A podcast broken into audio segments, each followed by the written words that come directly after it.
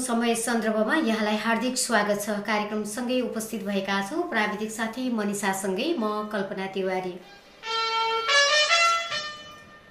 तपाईँ यति बेला महिला समानताका लागि सञ्चार अभियानद्वारा सञ्चालित सामुदायिक रेडियो रेडियो मुक्ति पन्चानब्बे थुप्रो पाँच सुनिरहनु भएको छ। तपाईँले हामीलाई रेडियोको website W W W dot radio Mukti dot ORG login गरी अर्थात् मोबाइल एप्लिकेसनको हाम्रो पात्रोमा रेडियो मुक्ति बुटोल सर्च गरेर पनि संसारभर एकैसाथ सुन्न सक्नुहुनेछ।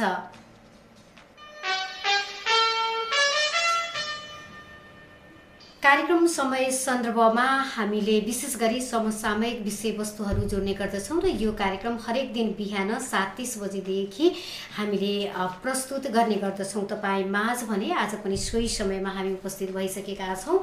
विशेष गरी यो आजको कार्यक्रम समय सन्दर्भ भने हामीले बुटोल उपमहानगरपालिका वडा नम्बर तिन र रेडियो मुक्ति बुटोलको सहकार्यमा उत्पादन गर्ने जमर्को गरेका छौँ। विशेष गरी यति बेला तिन तहका सरकारहरू सञ्चालित छन् र स्थानीय तह सङ्घीयतामा गइसकेपछि स्थानीय तहमा जनप्रतिनिधि आइसकेको करिब करिब अब पाँच वर्ष पुग्न आँटेको छ र स्थानीय तहको निर्वाचन नेपाल सरकारले यही आउँदो वैशाख तिस गते तोकिसकेको छ। भने यो पाँच वर्षको अवधिमा साँच्चै जनप्रतिनिधि आइसकेपछि टोल विकास संस्थामा रहेर कार्यरत व्यक्तित्वहरू हुनुहुन्छ आज हामीसँग। के कस्ता प्रगतिहरू भए? विशेष गरी अबको आवश्यकता के छ? सुधार गर्नुपर्ने कुरा के छ? र अब हामीलाई कस्तो खालको जनप्रतिनिधि आवश्यक परेको हो त यी विषयमा चाहिँ हामीले छलफल गर्नेछौँ। आज हामीसँग कुराकानीसँगै अतिथि हुनुहुन्छ बुटुल उपमहानगरपालिका वडा नम्बर तिन तिनाउ टोल विकास संस्थाका अध्यक्ष गोपाल कुमार प्रधानजी यसै गरी शान्ति टोल विकास संस्थाका अध्यक्ष आनन्द भगत श्रेष्ठज्यू र सहर्ष पट टोल विकास संस्थाका अध्यक्ष नामदेव नेउपानेज्यू यहाँहरू तिनैजनालाई कार्यक्रममा हार्दिक स्वागत छ। नमस्ते धन्यवाद। नमस्कार धन्यवाद। सबैभन्दा पहिला म तिनाउ टोल विकास संस्थाका अध्यक्ष हुनुहुन्छ गोपाल कुमारजी। कस्तो छ यति बेला टोल विकास संस्था? लामो समयदेखि यहाँ चाहिँ टोल विकास संस्थाको अध्यक्ष भएर कार्यरत हुनुहुन्छ। पहिले र अहिलेमा आएको फरक समुदायको स्थिति कस्तो छ अहिले? समग्रमा कुरा गर्नुपर्दा जनप्रतिनिधिविहीन अवस्थामा र जनप्रतिनिधि आइसकेपछि त थोरै फेरबदल त भएको छ। विकास निर्माण काममा जुन हामीलाई बजेटहरू पर्ने को क्रमहरू पहिला सिलिङ बजेट भने पनि अब तलमाथि गरेर पर्थ्यो अहिले समानुपातिक ढङ्गले सबै टोललाई बराबरीमै आउँछ। तर हेर्दाखेरि समग्र राम्रो देखियो भने कसैलाई अब त्यही समानुपातिकमा परेकोले नपुग्नु पनि सक्छ बजेट। यहाँ पुग्छ अब हाम्रो त पहिलेदेखि नै माग त के छ त भन्दाखेरि एउटा आवेदन गरेर राखियोस्। विकास निर्माणको जुन हामीले पूर्वाधारहरूको जुन कार्यक्रमहरू दिन्छौँ नगरपालिकामा आदि गरेर राखेर हरेक वर्ष योजना छनौट गर्नुभन्दा त्यसैलाई प्राथमिक गरेर नयाँ जुन टोल विकास संस्थाबाट यसलाई नगर्ने नयाँ गर्ने भनेर हामीले जुन नयाँ ऊ पठाइएछ भने नयाँलाई गर्ने नत्र पुरानो आदि गरेकोलाई नै त्यसलाई पूर्ण हुने गरेर एउटा प्राविधिक नापजाँच गरेर बजेट छुट्याइदियो भने अलिकति राम्रै हुन्थ्यो। अब त्यही पनि नहुनुभन्दा हुनु केही भएकै त राम्रै छ। त्यही पनि अब हामीहरू अलिक कुनामा परेको टोलसम्म र विकास निर्माण काममा जुन लक्षित वर्गहरूको धेरै हुनुहुन्छ। र जुन हामीले सहभागितामूलक कामहरूमा हामीले सहभागिता उठाउन अलि हम्मी हम्मी परेको अवस्था हुन्छ त्यही पनि हामीले काम गर्दै आइरहेकै छौँ। यति बेला म शान्ति टोल विकास संस्थाका अध्यक्ष आनन्द भगत दाजुलाई सोध्न चाहेँ। विशेष गरी यहाँ पनि बुटोल तिनमा लामो समयदेखि सामाजिक काम र टोल विकास संस्थामा कार्यरत रहिरहँदा पहिले र अहिलेमा फरक आएको टोल विकास संस्थामा अध्यक्ष भएर आफूले काम गरेका राम्रा कामहरू के छन् त्यस्ता? म विगत चाहिँ लगभग लगभग दस बाह्रै वर्ष जति भइसक्यो शान्ति टोलमा चाहिँ किन चाहिँ अध्यक्षको रूपमा चाहिँ काम गरिरहेको जनप्रति नआउँदाखेरि हामी हामी टोल विकास संस्थाका चाहिँ वडा नागरिक मञ्च भयो होइन? त्यसरी चाहिँ हामीले चाहिँ किन चाहिँ सबै बसेर छलफल गरेर हामीले चाहिँ योजनाहरू पनि हामी तर्जुमा गरेर हामीले वडाबाट चाहिँ पारित गरेर चाहिँ नगरपालिका पठाएर पनि हामीले चाहिँ दुई कार्यकाल तिन कार्यकालसम्म चाहिँ हामीले त्यसरी चाहिँ किन चाहिँ वडामा बजेट विनियोजन गरेर चाहिँ काम गरेको अवस्था छ। त्यो बेलामा जसरी चाहिँ पारदर्शी तरिकाले जुन चाहिँ हामी टोल विकास संस्थाको अध्यक्षहरू भनेको चाहिँ तपाईँको जुनै पनि आस्था जहाँ जसको जहाँ भए तापनि टोल विकास संस्थाका अध्यक्षहरूको चाहिँ भावना के हुन्छ भने हामी एउटै परिवार हो। यो टोलको चाहिँ विकास गर्नुपर्छ। यो नगरपालिकाले हामीले सघाउनुपर्छ भन्ने भावनाबाट नै प्रेरित भएका छन् सबै टोल विकास संस्थाका अध्यक्षज्यूहरू त्यही हिसाबले पनि हाम्रो चाहिँ पहिला चाहिँ तपाईँको चाहिँ केही पनि चाहिँ तपाईँको तलमाथि नपरिकन किनभने म यतिसम्म भन्न चाहन्छु म त्यसमा पनि चाहिँ बाँडफाँड गर्नेमा पनि म चाहिँ सहसंयोजकको रूपमा रहेको कारणले गर्दाखेरि नगरपालिकाबाट पनि हामीलाई चाहिँ के भने चाहिँ वडा नम्बर तिनले कस्तो चाहिँ बजेट बाँडफाँड गरेर पठायो एक रुपियाँ पनि तलमाथि गर्नु नपर्ने गरी त्यस्तो चाहिँ राम्रो गरेको भन्ने कुरा पनि हामीले चाहिँ एउटा चाहिँ सफलता चाहिँ हामीले चाहिँ पाएका हौँ अब जनप्रति आइसकेपछिको कुरा म किन जोड्न खोजेको यो कुरा भने जनप्रतिनिधि आइसकेपछि कुनै कुनै आस्थाबाट नै आउने हो जनप्रतिनिधि। टोल विकास संस्था भन्ने कुरा आस्थाबाट आउने होइन त्यसले समाजमा गरेको कामको उसले गर्ने चाहिँ सामाजिक कार्यबाट चाहिँ टोल अध्यक्षमा चाहिँ हुन्छ सबैको साझा हुन्छ भनेपछि जनप्रतिनिधि भनेको त एउटा आस्थाबाट आएका हुन्छन्। त्यस कारणले अलिकता झुकाउ चाहिँ होइन जनप्रतिनिधिमा चाहिँ फरक चाहिँ हुन्छ अवश्य नै। त्यो प्रत्येक टोल विकास संस्थाका अध्यक्षहरूले पनि अनुभूति गर्ने कुरा हो। यो एउटा कुरा पाटो रह्यो। अर्को एउटा के छ भने तपाईँको चाहिँ विकास निर्माण गर्नलाई जस्तै प्राविधिकहरू हुनुहुन्छ वडामा हुनुहुन्छ नगरपालिकामा हुनुहुन्छ। हाम्रो वडाको अस्ति गोपालजीले भर्खरै गोपालजीले भन्नुभयो जुनै पनि योजना हामी टोलका चाहिँ मान्छे टोल विकासका अध्यक्षहरूले पदाधिकारीहरूले हामी सबै बसेर घरधुरीहरूलाई सबैलाई राखेर छलफल गरेर के गर्दा राम्रो हुन्छ कुन योजना माग्ने हो त यसपालि हामीले भने त्यसरी हामीले योजना मागेको अवस्था हुन्छ। तर त्यो योजनालाई कार्यान्वयन गर्ने बेलामा चाहिँ वडाले चाहिँ के गर्छ समूह नै गर्दैन। समूह नै गर्दैन त्यो पैसाले कतिसम्म पुग्ने हो कहाँसम्म हुने हो माग कति हो प्राविधिकले के गर्ने हो भन्ने कुरा चाहिँ नहुँदाखेरि धेरै कुनै कुनै योजनाहरू चाहिँ बिचैमा अल्पत्र भएर चाहिँ क्रमागत रूपमा पनि गएको हुन्छ। अनि अर्को एउटा चाहिँ नगर स्तरीय बजेट जुन वडामा पर्छ त्यसको न टोल विकास संस्थासँग सम्बन्धी हुन्छ त्यो। न चाहिँ वडासँग सम्बन्धी हुन्छ। सिधै नगरपालिकाबाट चाहिँ बजेट विनियोजन हुन्छ। अनि भइसकेपछि चाहिँ त्यो कहाँसम्म बन्ने हो त्यो कति क्वान्टिटीमा बन्ने हो भन्ने कुरा चाहिँ निर्माण हुँदा हुँदै चाहिँ टोलको अध्यक्षहरूले खोजी खबर गर्दै हिँड्नुपर्ने हुन्छ त्यसमा विवाद निस्किन्छ।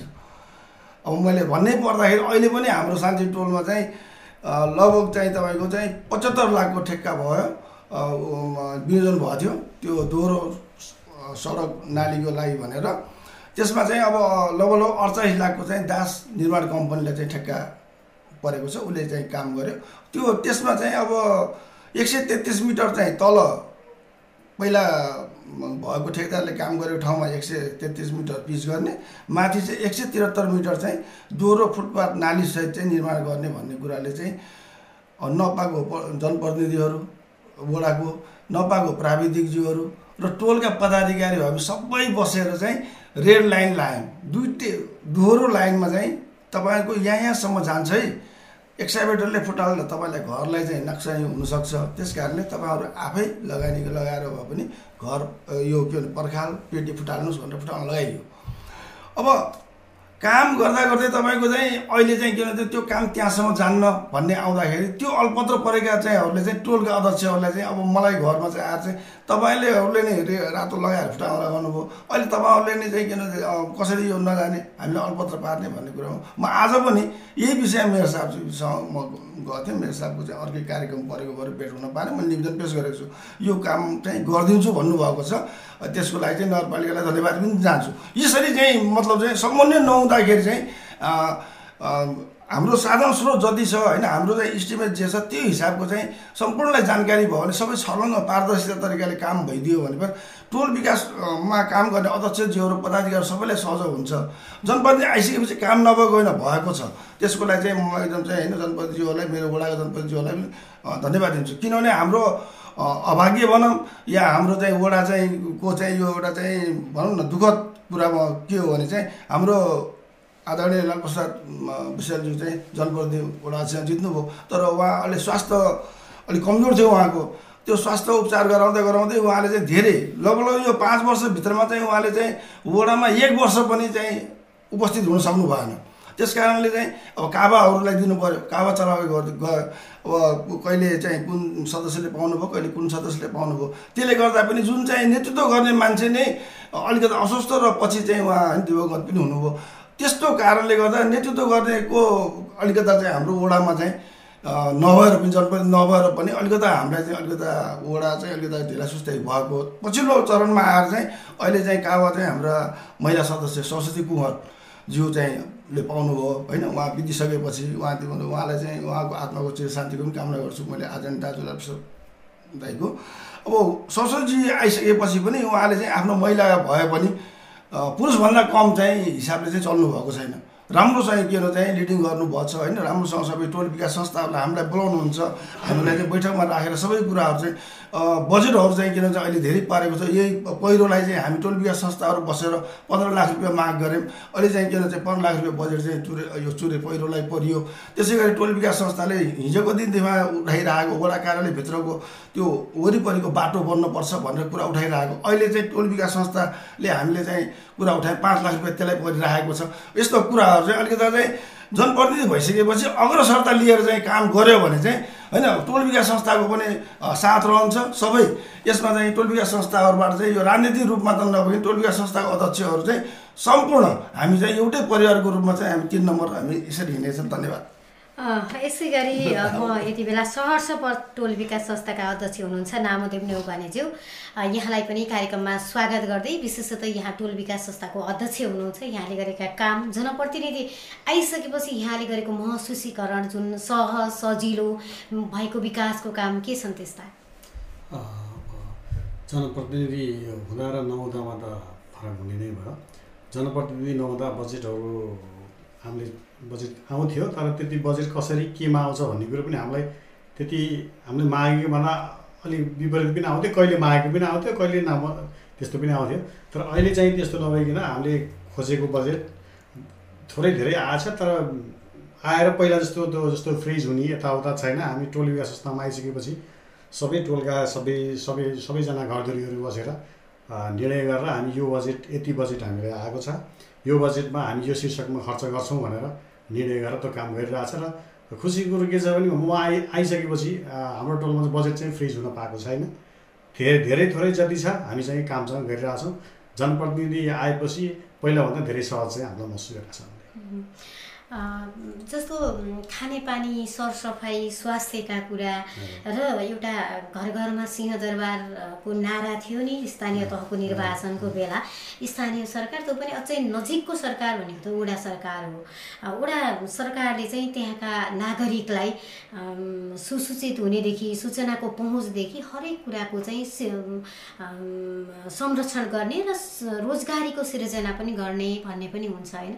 त्यो खालको फरक खालको केही महसुसीकरण यो पाँच वर्षमा खानेपानी शिक्षा स्वास्थ्य त्यहाँका व्यक्तिहरूको कस्तो छ तपाईँको टोलका कति घरधुरी हुनुहुन्छ र कस्तो अवस्थामा हुनुहुन्छ त्यस्तो छ हाम्रो घर टोलमा चाहिँ एक सय साठी घरधुरी छौँ हामी।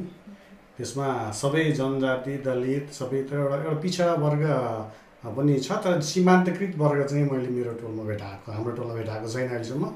अब रहेछ भने त थाहा अहिलेसम्म मेरो अनुभवमा छैन। खानेपानीको कुरा गर्नुहुन्छ भने हाम्रो टोलमा चाहिँ विगत पन्ध्र बिस पच्चिसै वर्ष भयो होला हामी त्यहाँ एउटा सामुदायिक हाम्रो पर्स निजी पानी पनि छ। हामी त्यसबाट पनि हामी त्यो त्यो युज गरिरहेछौँ अर्को कुरो हामीलाई चाहिँ डिभिजन कार्यालय प्रदेश सरकार मार्फत डिभिजन कार्यालय युपिटी मार्फत हाम्रो चाहिँ टोलमा अहिले छ लाख छ करोड पन्ध्र लाखको खानेपानी बोरिङ खानेपानी को हामीलाई चाहिँ ठेक्का पऱ्यो त्यो लगभग लगभग लगभग अस्सी पर्सेन्ट त्यसको काम पनि सकिसकेको छ। अब चाहिँ त्यसको ट्याङ्की स्याङ्की सबै सकिसकेको छ दुईवटा बोरिङ पनि गाडिसकेको छ। त्यो पनि पुरै हाम्रै टोल विकास संस्थाकै पहलमा जग्गा निर्धारण गर्नेदेखि लिएर हाम्रो आफ्नै निजी सुरुमा हाम्रै निजी स्रोतमै हामी चाहिँ त्यहाँ बोरिङ गाड्यौँ एउटा बोरिङ। त्यसपछि हाम्रो टोल विकास संस्थाको पहलमा हामीलाई टेन्डर त्यहाँ पऱ्यो ठेक्का पऱ्यो त्यसपछि फेरि खानपानी संस्थाले डिभिजन कार्यालय पनि अर्को बोरिङ गाडेर अहिले हाम्रो त्यहाँ लगभग एक लाख डेढ लाख जतिको ट्याङ्की डेढ लाख लिटरको ट्याङ्की चाहिँ तयार भइरहेछ। अब त्यसको चाहिँ अब अस्सी पर्सेन्ट काम पनि सकिएको छ र अब यो पन्ध्र बिस दिनमा चाहिँ हाम्रो त्यो काम सकिन्छ र हामी पाइप वितरणमा पाँच सय चालिस घरहरूलाई हामी पानी खुवाउने योजनाको साथ हामी अगाडि बढेका छौँ। सरसफाइको कुरा गर्दा सरसफाइ पहिलाभन्दा धेरै सरसफाइ छ हाम्रो एरिया भनेको अब तपाईँलाई थाहै छ। तिनाउ नदीको क्षेत्रमा हाम्रो टोल पर्छ।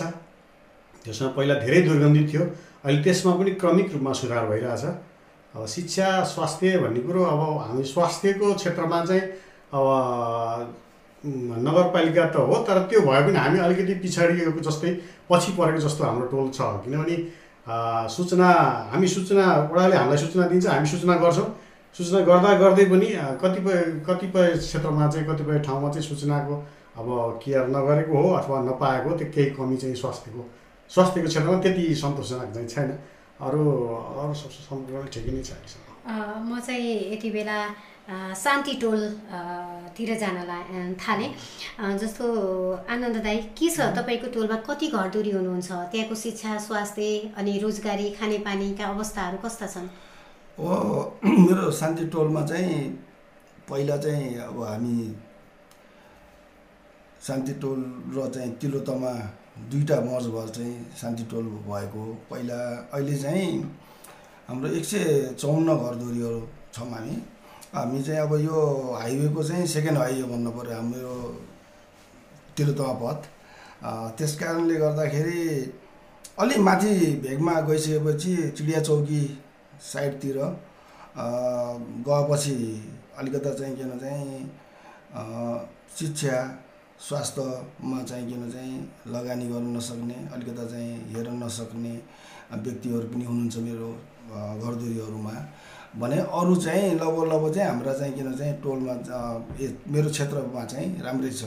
र हाम्रै अब यसैमा मैले जोड्न चाहन्छु यो हाम्रो तिन नम्बर वडा एउटा चाहिँ नगरपालिका हुँदा हुँदै पनि चाहिँ हामी चाहिँ एउटा चाहिँ पाल्पा जिल्लासँग जोडिएको चाहिँ वडा अनि चाहिँ पाहाडकै जस्तै हाम्रो चाहिँ किन अलिकता बसाइ पनि त्यस्तै छ हाम्रो चाहिँ किन चाहिँ अलिकता बजारिया भन्दा पनि पाहाडकै बसाइको चाहिँ सँग मिलजुल्दो भएको भएर हामीले बडा यो जनप्रतिनिधि आउनुभन्दा अगाडि हो हामी चाहिँ टोल विकास समन्वय समिति प्रत्येक टोलको अध्यक्षहरूको चाहिँ र त्यसबाट चाहिँ हामीले चाहिँ टोल विकास संस्था एउटा समन्वय समिति भनेर हुन्थ्यो पहिला। अहिले पनि छ। अहिले चाहिँ एउटा अध्यक्षको चाहिँ मातहतमा हुन्छ भने पहिला त्यसरी हुन्थ्यो त्यस त्यही बेलामा नै हामीले चाहिँ तिन नम्बरमा चाहिँ अति विपन्नहरू छन्। यहाँ नै यो सहरी स्वास्थ्य केन्द्र चाहिन्छ भनेर स्वास्थ्यको क्षेत्रमा हामी टोल सबै टोलका अध्यक्षहरू चाहिँ लडेर धेरै मेहनतका साथ त्यो चार नम्बरमा लान लागेकोलाई पनि हामीले मेहनत गरेर एउटा टेबल र एउटा बेन्चबाट सुरु गरेको चाहिँ सहरी स्वास्थ्य केन्द्रले तिन नम्बरवासीलाई चाहिँ धेरै मेरो टोललाई मात्रै नभएर मेरो टोल त सँगै जोडियो। तर पनि त्यो वडावासीलाई मात्र नभएर अन्यत्र वडालाई पनि चाहिँ होइन धेरै वडाहरूको लागि यसले चाहिँ राम्रो चाहिँ सेवा प्रदान गर्यो। हाम्रो वडावासीहरूले चाहिँ त्यहाँबाट पाउने पर्ने सुविधाहरू चाहिँ हरेकले चाहिँ राम्रो चाहिँ सेवा लिइराख्नु भएको छ। यसमा सबै सेवाग्राही पनि खुसी छौँ। हामी टोल विकासका अध्यक्षहरू पनि खुसी छौँ। र अहिले यो कोभिडको बेलामा पनि तिन नम्बरले चाहिँ जुन कोभिड सिल्डको चाहिँ किन चाहिँ खोप वितरण गर्यो। त्यो पनि एकदमै आफ्नो वडालाई मात्रै धेरै वडामा चाहिँ आफ्नो वडालाई लाउने अर्कोलाई चाहिँ होइन यहाँ लाउने होइन भनेर चाहिँ पठाउने का- काम भयो। तर तिन नम्बरमा चाहिँ अरू वडाकाहरू पनि थुप्रै आएर चाहिँ लगाएको अवस्था छ। स्वास्थ्यको क्षेत्रमा आज पनि बुस्टर डोज चाहिँ सहरी स्वास्थ्य केन्द्रमा चाहिँ लगाइँदैछ। अब शिक्षा क्षेत्रमा भन्ने भने हाम्रो चाहिँ सामुदायिक विद्यालय अब ज्ञा- ज्ञानोदय चाहिँ अब त्यही पुल्चोक तलपट्टि छ। अब अधिकांश अहिले चाहिँ के भन्छ चाहिँ मानसिकता नै हाम्रो चाहिँ सबै सर्वसाधारणमा चाहिँ एउटा बोर्डिङमा पढायो भने चाहिँ अलिकता आफू चाहिँ उच्च हुने अलिकति सामुदायिक विद्यालयमा चाहिँ पढायो भने सामुदायिकमा पढ्छ तपाईँको छोराछोरी भन्ने चाहिँ मानसिकताले जुन ग्रस्त छौँ हामी। हामी अब चाहिँ अहिलेसम्म चाहिँ हामी सामुदायिक विद्यालय पढेर चाहिँ हामी आइयो होइन अहिलेसम्म पनि खै अब साठी एकसठी वर्ष भयो सामुदायिक क्षेत्रमा काम गरेकै छौँ। सामुदायिक विद्यालयमा नै राम्रो शिक्षा शिक्षा दीक्षा भयो भने चाहिँ मान्छेहरू चाहिँ अ, राम्ररी चाहिँ प्रगति गरेका अवस्था हामीलाई उदाहरणहरू धेरै छन्। त्यसले गर्दाखेरि चाहिँ शिक्षामा पनि हाम्रो चाहिँ के चाहिँ अब अधिकांश चाहिँ हाम- मेरा अ, टोलका घरधुरीका चाहिँ बच्चाहरू चाहिँ ज्ञान दिएर सामुदायिकमै पढ्न जान्छन्। हामीले पनि त्यस्तै सामुदायिक विद्यालयमा चाहिँ जानुपर्छ भन्ने प्रेरणा छ। अनि एउटा अनि हाम्रो एउटा चाहिँ आदरणीय गोपाल प्रधानज्यूहरूले चाहिँ एउटा चाहिँ बाल विकास केन्द्र भनेर चाहिँ खोल्नु भएको छ। होइन त्यो एउटा चाहिँ अत्यन्त महत्त्व। त्यो भेगका त्यो त्यो क्षेत्रका चाहिँ निमुखा गरिबहरूले चाहिँ खोलामा ढुङ्गा गिटी बालुवा बोकेर बिहान साँझ लेबर गरेर खाने कि आफ्नो बच्चाहरूलाई हेर्ने। त्यो अवस्थामा भएकोलाई चाहिँ बिहान लगेर बच्चा छोडिदिने त्यो बच्चाहरूलाई चाहिँ पढाउने मन्टेश्वरीको जस्तै बोर्डिङमा मन्टेश्वरी जस्तै उहाँहरूले जम्मै रेखदेख गरेर पढाउने त्यहाँ समिति छ म यहाँ भट्टराई अध्यक्ष हुनुहुन्छ उहाँ चाहिँ सायद कोषाध्यक्ष हुनुहुन्छ होला। यति राम्रो चाहिँ त्यो त्यसले चाहिँ रूप लिएको छ। हामीले चाहिँ त्यहाँ हरेक सङ्घ संस्थाले चाहिँ सहयोग गर्नुपर्छ भन्छ। म पनि शान्ति टोलमा भएको भएर उहाँले हामीलाई बोलाउनुहुन्छ सहयोगको लागि हामी जान्छौँ। यति राम्रो छ कि मैले त्यहाँ जो कोही गएर पनि चाहिँ एक घन्टा त्यो बच्चाहरूसँग बस्यो भने हृदय चाहिँ आफै चाहिँ पग्लेर आउँछ। सेवा भन्ने त यो हो नि। उहाँहरूले त्यस्तो सेवा गरेर चाहिँ शिक्षाको क्षेत्रमा चाहिँ त्यहाँबाट चाहिँ आ उत्पादन भएका बच्चाहरू ज्ञानोदय जान्छन् होइन? अब जस्तै अब हाम्रो बुढाको चाहिँ अब यो जनज्योति ज्योतिनगरको चाहिँ के भन्छ चाहिँ अब पनि सामुदायिक विद्यालय हो। त्यहाँ अलिकति विद्यार्थी कम भयो। अहिले सरस्वतीजी नै अध्यक्ष हुनुहुन्छ। त्यसको लागि पनि उहाँले धेरै पहल गर्नुभयो धेरै बैठकहरू बसियो। हामी टोल विकास संस्थाका अध्यक्षहरू पनि आएर उहाँ सहयोग गऱ्यौँ। उहाँ यो बाल केन्द्रहरूसँग पनि हामी बसेर चाहिँ के अरे कुरा गरियो होइन? यसलाई बच्चाहरू वृद्धि गर्नुपर्छ भनेर।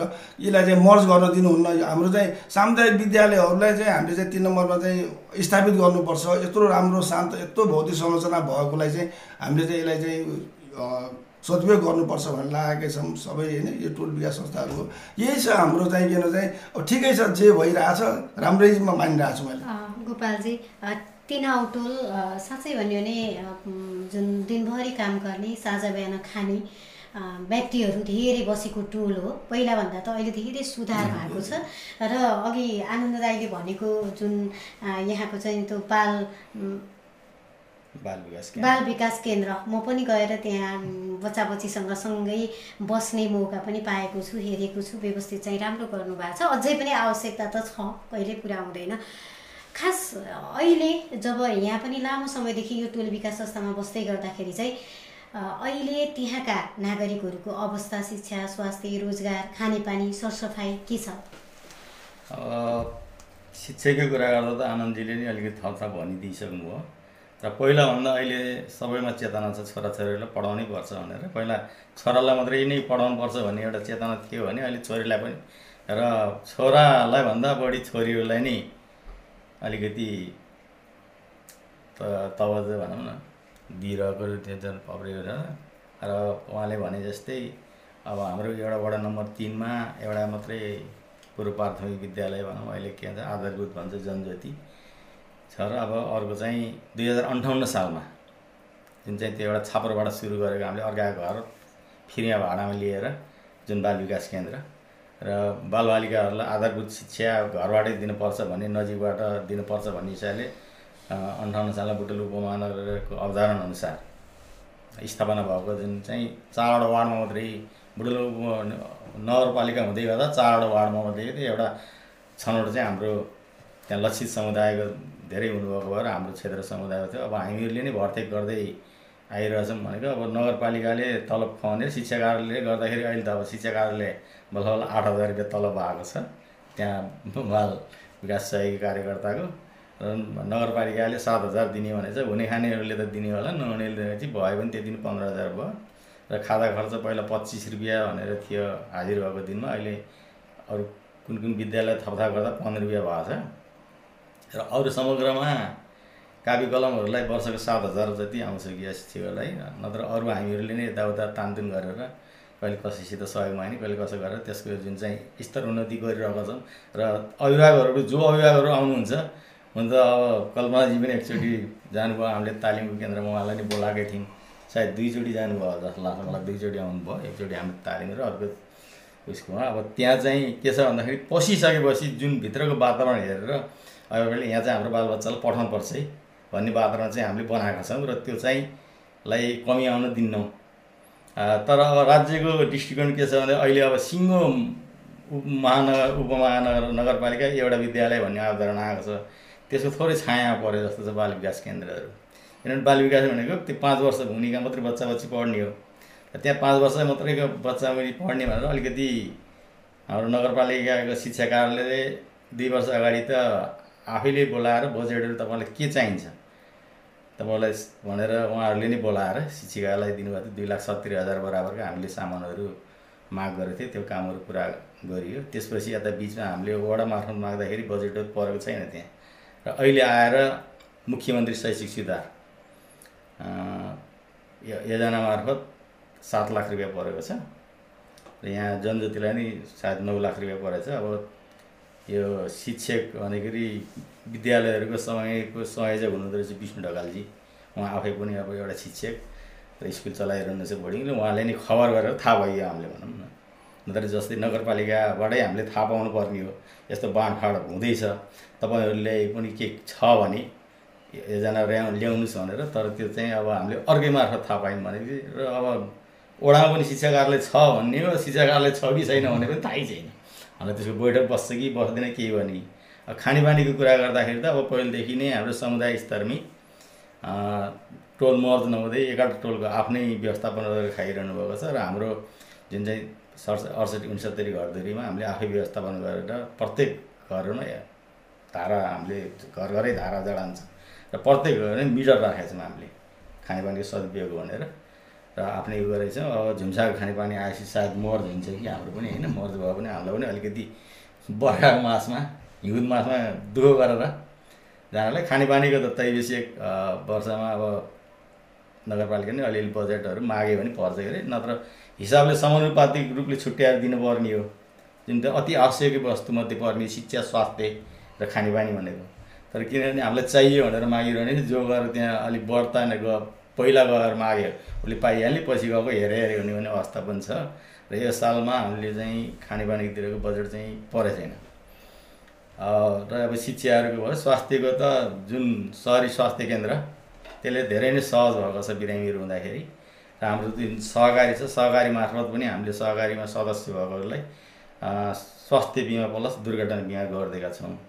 गत साल हामीले हामीले सहकारीले लगानी गरेर एक सय पैँतिस रुपियाँ बराबरको सय रुपियाँ बराबरको स्वास्थ्य बिमा पैँतिस रुपियाँ बराबरको दुर्घटना बिमा दुर्घटना त केले पनि कसै पनि गर्नु परेन त्यो नहोस् त्यस्तो पनि अवस्था नहोस् नै भन्नु पऱ्यो।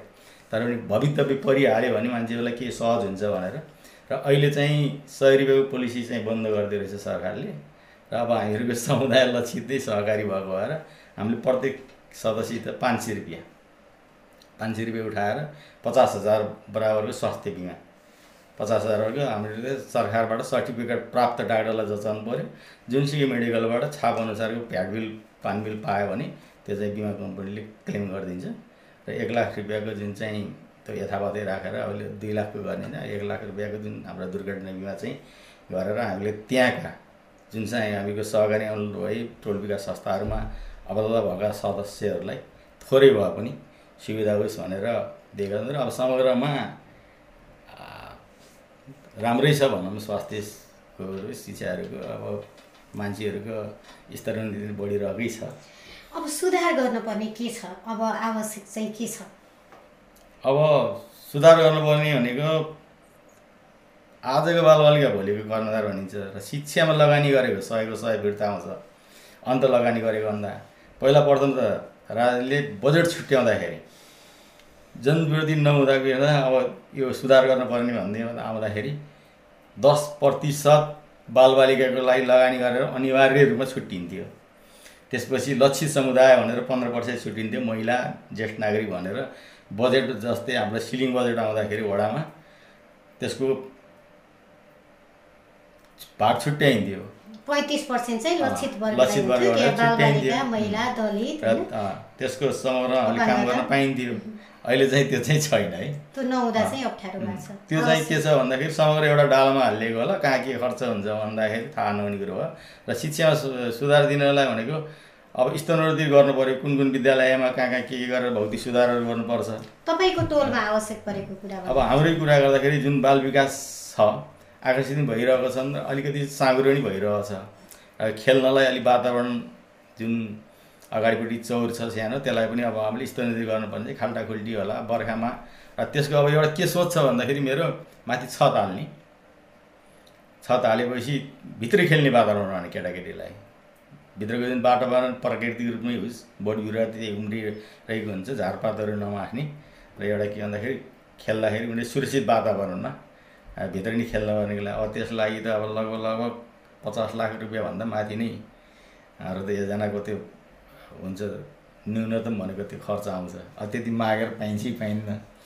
होइन? अब खानेपानीको कुरा गर्दाखेरि अब खानेपानीलाई हामीलाई अब दुःखै नै छ। माथि चुरेको माथि डाँडामा गएर ल्याउने हो। अब हिउँदमा पानी सुकेपछि लडामाथि नै हुन्छ। अब हाम्रो ज्योतिनगरसितै पनि हुन्छ। बमघाटको पनि उहाँनेको मूल छ। ताना तानै हुन्छ पानीहरूको। र हाम्रोतिर त्यो क्षेत्रबाट खाने भनेको जम्मै पानीको मुहान भनेको सातवटा टोली छन्। सातवटा टोली मिलेको सडक बिहाले अलिक छोडिदिएर मात्रै हो। नत्र अब छवटा टोली छ अब पानीको ताना तान भयो।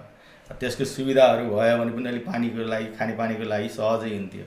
शिक्षा भयो स्वास्थ्यको लागि त अब स्वास्थ्य केन्द्र छँदैछ गर्नलाई। अब अलिकति जुन आय आर्जनको कुराहरू दुई वर्षको यो कोभिडको दौरान त मान्छेहरू धेरै नै थला पऱ्यो अब व्यापारी पनि थला पऱ्यो। हामी नै त्यस्तै हालतमा बस सबैको हालतहरू त्यस्तै छ। सरकारले कुनै प्याकेजहरू ल्याउन त अलिक सकेन। र बिस्तारै बौराइरहेको छ र अब कस्तो खाले योजनाहरू आउनु पऱ्यो भन्दाखेरि शिक्षामा अब आकर्षित हुने त्यसका अब बालबालिकाहरूको बालबालिका अब हामीले जम्मा पहिला दुई घन्टा मात्रै पढाइन्थ्यो त्यहाँ। अहिले चार घन्टा बनाउनु भएको छ उहाँहरूले आफैले नै उ गरेर कमसेकम छ घन्टा या सात घन्टा त्यहाँ बालबालिका टिक्ने वातावरण भयो भने जो दैनिक गुजारा गर्नेहरूको आमाबाहरूलाई बालबालिकापछि त निश्चिन्त हुन्थ्यो नि। त्यसको लागि के गर्नु पऱ्यो त भन्दाखेरि उहाँहरूले आफ्नो पकेटबाट खर्च गर्न सक्नुहुन्न। त्यसको त राज्यले लगानी गरिदिनु पऱ्यो हेर्ने परिचारिका राखिदिनु पऱ्यो दिउँसो भोक लाग्दाखेरि खानेकुराहरूको व्यवस्था पनि हुनु पऱ्यो त्योसम्म त बा आमाले बेहोर्लान् एउटा परिचारिकाहरूको जुन चाहिँ दुईजना रे अहिले के छ भने रेगुलर हामीहरूमा बालबच्चा बाइसदेखि पच्चिसजना रेगुलर आउँछन्। भर्ना भएको तिस बत्तिसजना नाम लेखाउनु भएको छ। रेगुलरली भनेको अब त्यहाँ जाँदा जुनसुकै बेला गयो भने हामीले पन्ध्रदेखि पच्चिसजनाको हाराहारीमा त्यो बालबालिकाहरू हुन्छन्। आगाहरू। त्यसलाई के भन्दाखेरि एकजना मात्रै हुनुहुन्छ त्यहाँ शिक्षिका दुईजना हुनुहुन्थ्यो। अब हाम्रो इन्दिरा गेवाली चाहिँ अलिक काजमा ज्ञानदैमा जानुभएको छ। र अब थोरै अब उहाँको उमेरको कारणले पनि हामीले फिर्ता ल्याउन खोजेनौँ। उहाँलाई उहाँ सहजै छ वातावरण र त्यहाँ उकालो पनि पर्ने गाह्रो हुन्छ भनेर।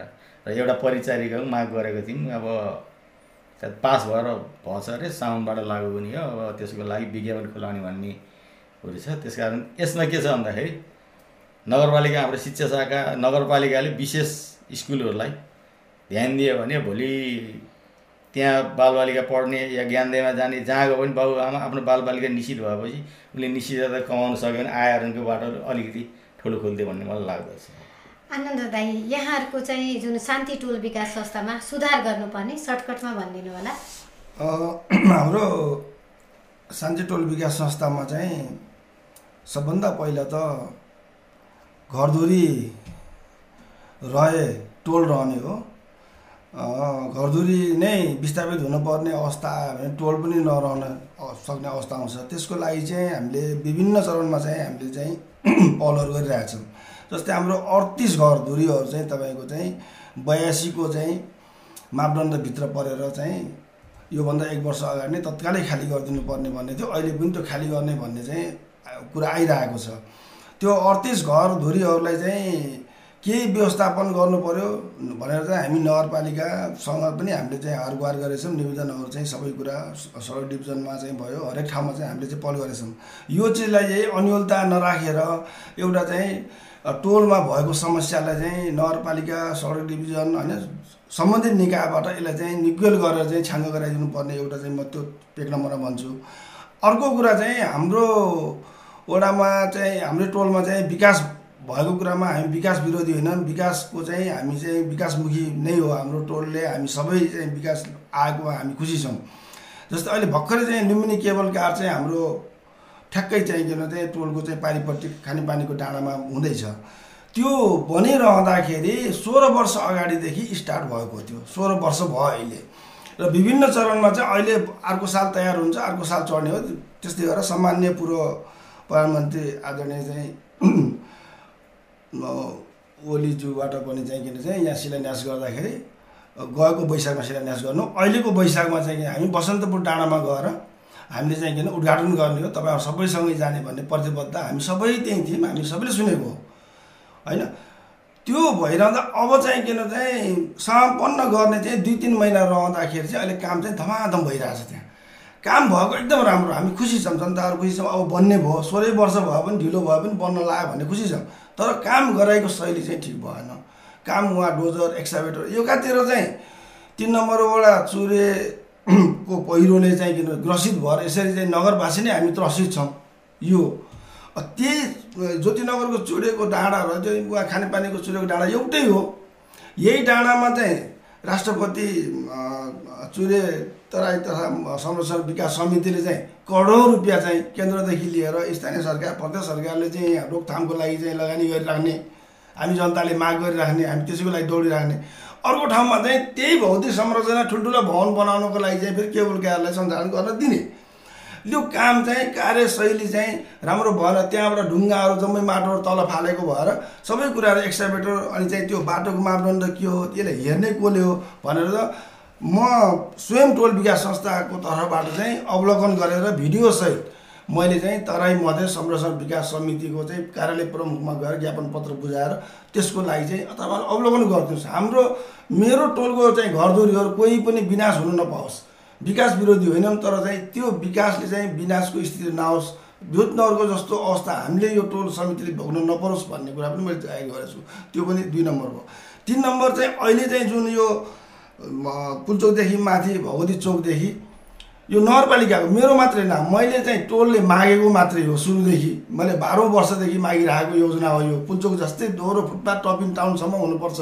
किनभने पाल्पाबाट आउने मान्छेले त्यहाँ चाहिँ एकपल्ट चाहिँ फुटपाथमा टेकेपछि एकैपल्ट सुनौली पुग्छ। त्यति जोडिँदाखेरि भन्ने चाहिँ मेरो माग हो तर त्यसलाई मेयर साहबले पनि आदरणीय हाम्रो शिवराज सुवेदीज्यूले पनि एकदम ठिक कुरा हो। यो बटोली बजारको पुरानो बाटो तपाईँको सबभन्दा बटोलीमा डोको बोकेर आउने बाटो हो। त्यस कारणले सेकेन्ड हाइवे पनि हो। त्यस कारणले कुनै पनि हातले चाहिँ त्यसलाई चाहिँ उहाँ माथि पाल्पा जोड्ने रोडसम्म हामी चाहिँ लकटाइल र दोहोरो फुटपाथ नाली बनाउनुपर्छ भन्ने उद्देश्यका साथै बजेट विनियोजन भएको। अब त्यो चाहिँ भगवती चौकदेखि टपिन टाउनसम्म चाहिँ दोहोरो फुटपाथ नाली राम्रोसँग चाहिँ सम्पन्न होस्। यही नै मेरो टोलको अहिले चाहिँ प्रमुख विषयहरू छन् धन्यवाद। यति बेला फेरि हामी सहर शपथ टोल विकास संस्थातिर जाउँ। अ, विशेष अब गर्नुपर्ने अबको आवश्यकताहरू चाहिँ के छ? अम्, नामदेवज्यू आफ्नो कुरा राखिदिनु अनुरोध गर्दछु। गर्नुपर्ने आवश्यकताहरू त हाम्रो टोलमा धेरै छन् हेर्नु अब हामी चाहिँ तिनाउको तिनाउसँग सटिएको सटेको टोल हो हाम्रो। बर्खा मासमा चाहिँ अलि बढी नै हामीलाई खतरा पनि छ त्यहाँ। हामी चाहिँ त्यसको लागि धेरै पटक नगरपालिका पनि धायौँ यो तिनाउ तटबन्ध भन्ने कालिका नगर त्यहाँ पनि गयौँ।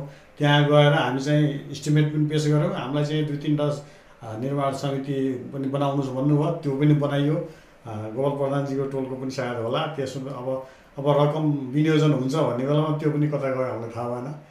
त्यो सुरक्षाको दृष्टिकोण एउटा थियो। अर्को कुरो हाम्रो टोलमा चाहिँ पहिलेदेखि हाइटेन्सनको खतरा थियो।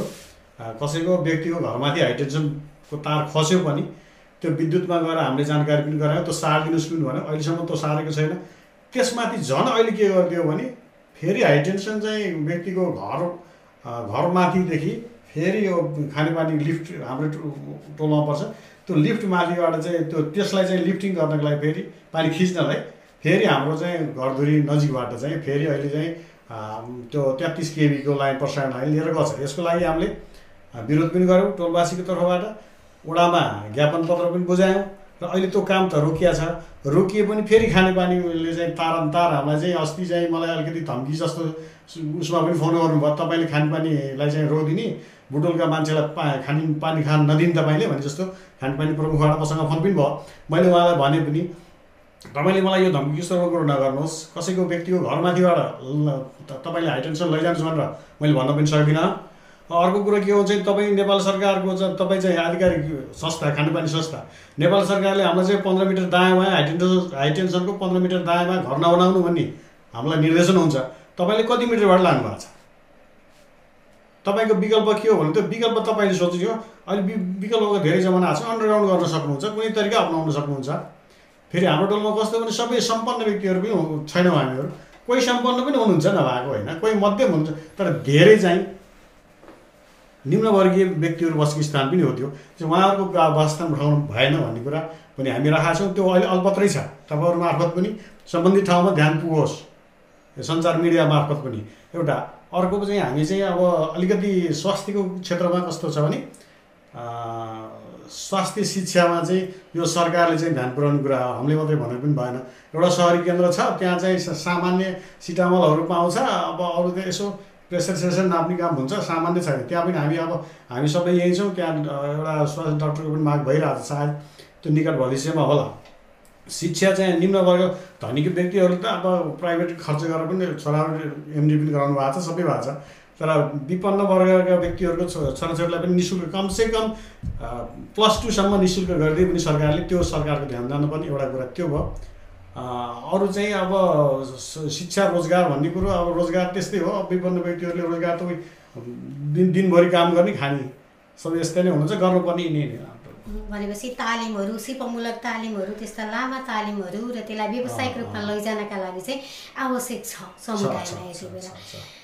अब फेरि स्थानीय तहको निर्वाचन त नजिकै छ तपाईँहरू टोल विकास संस्थाका अध्यक्ष अहिलेको जनप्रतिनिधि अब ले भन्दै गरेको चाहिँ जनप्रतिनिधिभन्दा बढी चाहिँ टोल विकास संस्थाका अध्यक्षहरू खटिएर काम गर्नुभएको छ। हामीलाई सहयोग गर्नुभएको छ। अस्ति भर्खर हामी चाहिँ बुटोल उपमहानगरपालिकाको स्थापना दिवस मनाउँदा मेयर साहबले पनि त्यसरी नै भाषण गर्नुभएको थियो होइन? यहाँको गुणगान गाउँदै। कति राम्रो काम गर्नेहरू सम्मानित हुनुभएको थियो। यहाँहरू पनि हुनुभयो होला। अथवा अब पालो आउला होइन? पालै पालो। भने अब चाहिँ हामीलाई कस्तो खालको जनप्रतिनिधिको आवश्यक छ त? तपाईँले भनेको कुरो जायज नै हो। हामी अहिले नजिक जस्तो गत सालदेखि दुई चेटसम्म कोरोनाको महामारी भयो। त्यो बेला अब कोही पनि कोही कोही अब जनप्रतिनिधि पनि खासै खट्नु भएन। हामी समाजका कोही व्यक्ति पनि कोरोना लागेको तपाईँ हामीलाई जानकारी भएको कुरो कोरोना लागेको घरको नजिक पनि गर्थेन हामी त्यो व्यक्तिको घरमा जाने त्यसको विवरण लिने वडामा आउने रिपोर्ट पाउने नगरपालिकामा जाने उसको सबै कुरो उसको चाहिँ कागज बुझाउने त्यसपछि आयुर्वेद औषधि लिएर हामी उसको घरमै गएर पनि हामी कसैले नगरेको काम पनि हामी गरेको टोल विकाससम्म हामी संस्थाको अध्यक्ष सबैले गरेको कुरो हो। त्यो जग जाहेरै भएको कुरा हो।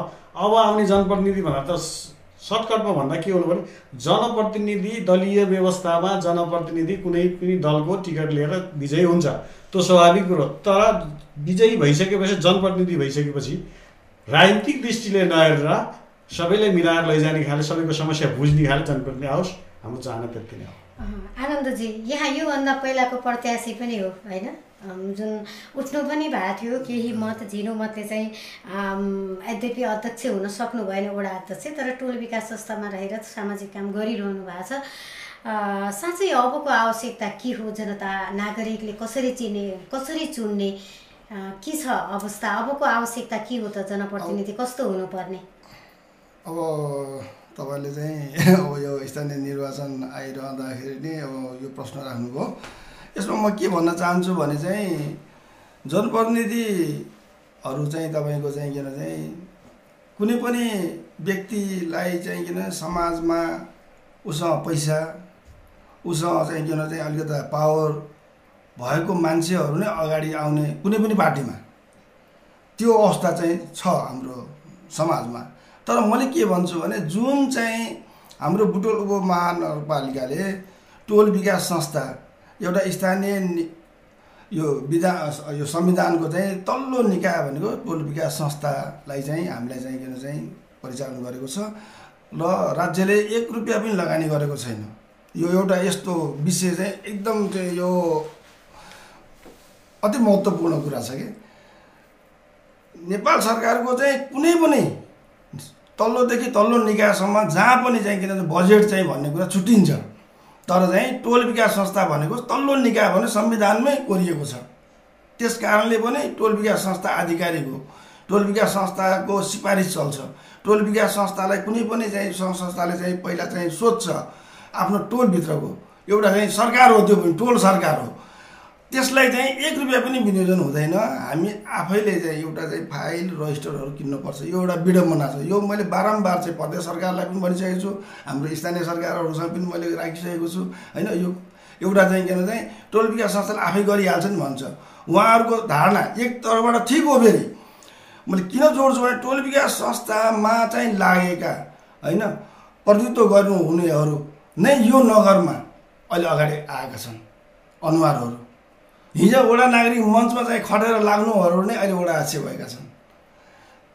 के गर्ने रहेछ भने टोल विकास संस्थामा काम गरिसकेपछि बजेट कसरी माग्ने बजेट कसरी चाहिँ किन विनियोजन गर्ने अनि चाहिँ हामीले निवेदन कसरी लेख्ने सम्बोधन कसरी गर्ने हामीले तालिम पाइयो अनि यो यसरी पो हुने रहेछ यहाँबाट आउने रहेछ भन्ने कुरा हरेक कुरा चाहिँ टोल विकासका पदाधिकारीहरूलाई चाहिँ ज्ञान हुन्छ। त्योभन्दा बाहिरको मान्छेहरूलाई चाहिँ त्यति ज्ञान हुँदैन। पढेर मात्रै हुँदैन। मैले यो भन्छु राजनीति गर्नलाई समाजसेवा गर्नलाई पढाइले मात्रै पुग्दैन। अनुभव चाहिन्छ। अनुभव चाहिँ टोल विकास संस्थाका अध्यक्षहरूलाई चाहिँ पर्याप्त मात्रामा रहेको हुन्छ। किनभने चाहिँ उसले हरेक क्षेत्रमा काम गरेको हुन्छ। उसले चाहिँ सङ्घ संस्थासँग पनि गरेको हुन्छ। हरेक बालबालिकाहरूसँग जोडिएको हुन्छ। महिलाहरूसँग जोडिएको हुन्छ। राज्यसँग जोडिएको हुन्छ। त्यस कारणले चाहिँ राजनीति गर्नमा चाहिँ यसले चाहिँ किन चाहिँ जनप्रतिनिधिमा चाहिँ उम्मेदवार हुनुलाई चाहिँ अब ठिक छ। उम्मेदवार हुने हो पार्टीगत हिसाबबाट जाने हो होइन? म पनि चाहिँ गएको उसमा चाहिँ उम्मेदवार भएँ सबैले दिए मलाई सबैसँग खुसी छु होइन? हाम्रो आदरणीय लालप्रसाद दाईले जित्नुभयो। म एकदम खुसी उहाँलाई उहाँको विजय माला लाएर चाहिँ घरमा आइपुग्दा माला लाएर चाहिँ उहाँलाई बधाई दिने व्यक्ति म हो। तपाईँ आउनुभयो होइन? तपाईँ पनि एकदम अनुभवी व्यक्ति आउनुभयो। म खुसी छु दाई। तपाईँले राम्रो काम गर्नुहोस् तपाईँको साथ सहयोग म लाई अगाडि बढेर लाग्छु भने तपाईँको साथ सहयोग चाहिन्छ। आन भाइ तपाईँ भने उहाँले मलाई हरेकपल्ट बोलाउनु भयो मैले उहाँको साथ सहयोग गरेँ उहाँहरूलाई सहयोग गरेँ राम्रो कामको लागि। तपाईँहरूले कहीँ गलत गर्नुभयो भने एक नम्बरमा फेरि आनन्द भगत नै उठ्छ है। यो विरोध गर्नलाई भन्ने कुरा त्यो विरोध पनि म गर्छु। म म यस्तो व्यक्ति हो अरू पार्टीले कुनै पनि पार्टीले चाहिँ राम्रो काम गरे त्यसको लागि चाहिँ एकदम सराहना पनि गर्छु धन्यवाद पनि दिन्छु। आफ्नै पार्टीले गलत गरे पनि मैले गलत गलत गऱ्यो भनेर चाहिँ भन्ने मान्छे हो म। त्यो किसिमले गर्दाखेरि अलिकता चाहिँ म आफ्नै यो चाहिँ मेरो जुन चाहिँ भिजन छ मेरो चाहिँ एउटा चाहिँ भनौँ न यो सानैदेखिको बानी छ। सत्य बोल्ने सत्य गर्ने समाजसेवा गर्ने कारणले गर्दा पनि म अलिकता चाहिँ पछाडि पनि परेको छु र सम्पूर्ण हाम्रो वडावासीहरूलाई म एकदम हृदयदेखि नै धन्यवाद दिन चाहन्छु होइन?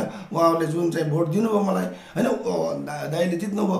ठिकै छ राजनीति हो एकजना त हार्नै पऱ्यो एकजना जित्नै पऱ्यो त्यसको लागि स्वीकार्ने राजनीतिमा स्वीकार्ने शक्ति पनि भएको मान्छे हुनु पऱ्यो र अब मलाई दिएन कि मैले किन गर्ने लागि भनेर बस्ने मान्छे चाहिँ राजनीतिमा उठ्नु हुँदैन मेरो मान्यता।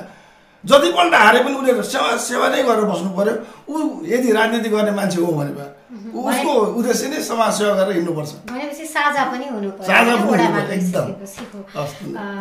जस्तो तिनाउ तिनाउ टोल विकास संस्थामा जस्तो नागरिकले अबको जनप्रतिनिधि कस्तो चाहेका छन् त? छोटोमा अब- भनिदिनु होला।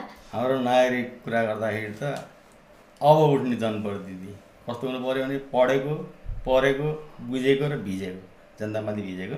यी चारवटा गुण भएको भए जनप्रतिनिधिहरू जनताहरूले चयन गर्नुभयो भने उम्मेदवार पनि त्यही खालको भयो भने र जनताहरूले चयन गर्नुभयो भने हामी समग्रलाई आफ्नो टोल वडा नगरपालिका जिल्ला हुँदै हाम्रो प्रदेश र सङ्घ देशलाई अब त्यसको अगाडि बढाउनलाई मद्दत प- पुऱ्याउँछ भन्ने मेरो बुझाइ छ।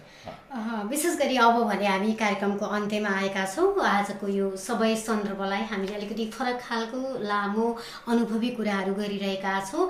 बुटोल उपमहानगरपालिका वडा नम्बर तिन र रेडियो मुक्तिको सहकार्यमा उत्पादन गरिएको कार्यक्रम हो जुन हामीले वडा नम्बर तिनमा अवस्थित विभिन्न टोल विकास संस्थाका अध्यक्षज्यूहरूसँग कुराकानी गरिरहेका छौँ भने आज हामीसँग तिनाउ टोल विकास संस्थाका अध्यक्ष गोपाल कुमार प्रधानज्यू यसै गरी शान्ति टोल विकास संस्थाका अध्यक्ष आनन्द भगत श्रेष्ठज्यू र सहर्षपथ टोल विकास संस्थाका अध्यक्ष नामदेव नौपानेज्यू हुनुहुन्छ। उहाँहरूसँग हामी कुराकानी गरिरहेका छौँ र अब हामी अन्त्यमा आएका छौँ। समय दिनुभयो। अ, सहर्ष टोल विकास संस्थाको अझै पनि उन्नति प्रगति होस् र आगामी दिनमा यहाँको सामाजिक सेवा अझै अगाडि बढोस्। यहाँलाई धेरै धेरै धन्यवाद। यसै गरी आनन्दजीलाई पनि धेरै धेरै धन्यवाद शान्ति टोलमा र लामो समयदेखि बसेर काम गर्नुभएको छ। आगामी दिनमा अझै पनि सामाजिक सेवा जुन एउटा उमेर अनुसार नै यहाँको जोस जाँगर बढिरहेको छ त्यो अझै पनि स्थापित होस्। हामीलाई समय दिनुभयो। धेरै धेरै धन्यवाद।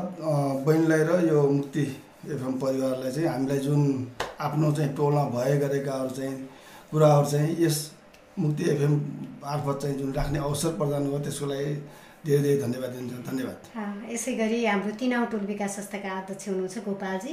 यहाँलाई पनि हामीलाई समय दिनुभयो। धेरै धेरै धन्यवाद। रेडियो मुक्ति परिवारलाई पनि धन्यवाद। सधैँ यसै गरी हामी रेडियो मुक्ति परिवारसित जोडिरहन पाऊँ भन्ने भनाइ राख्दै अ, बिदा माग्ने त होला नि हामी हस् धन्यवाद। हामीसँग आज तिनैजना अतिथि हुनुहुन्थ्यो। निकै रमाइलो कुराकानी भए विशेष गरी यो पाँच वर्ष सङ्घीयतामा देश गएको अवस्था र स्थानीय जनप्रतिनिधि विहीन भएको अवस्थामा हामीले आफै जनप्रतिनिधि चुन्यौँ र जनप्रतिनिधिले यो पाँच वर्ष कार्य सम्पन्न गरेको अब अन्तिम चरणमा पनि छ।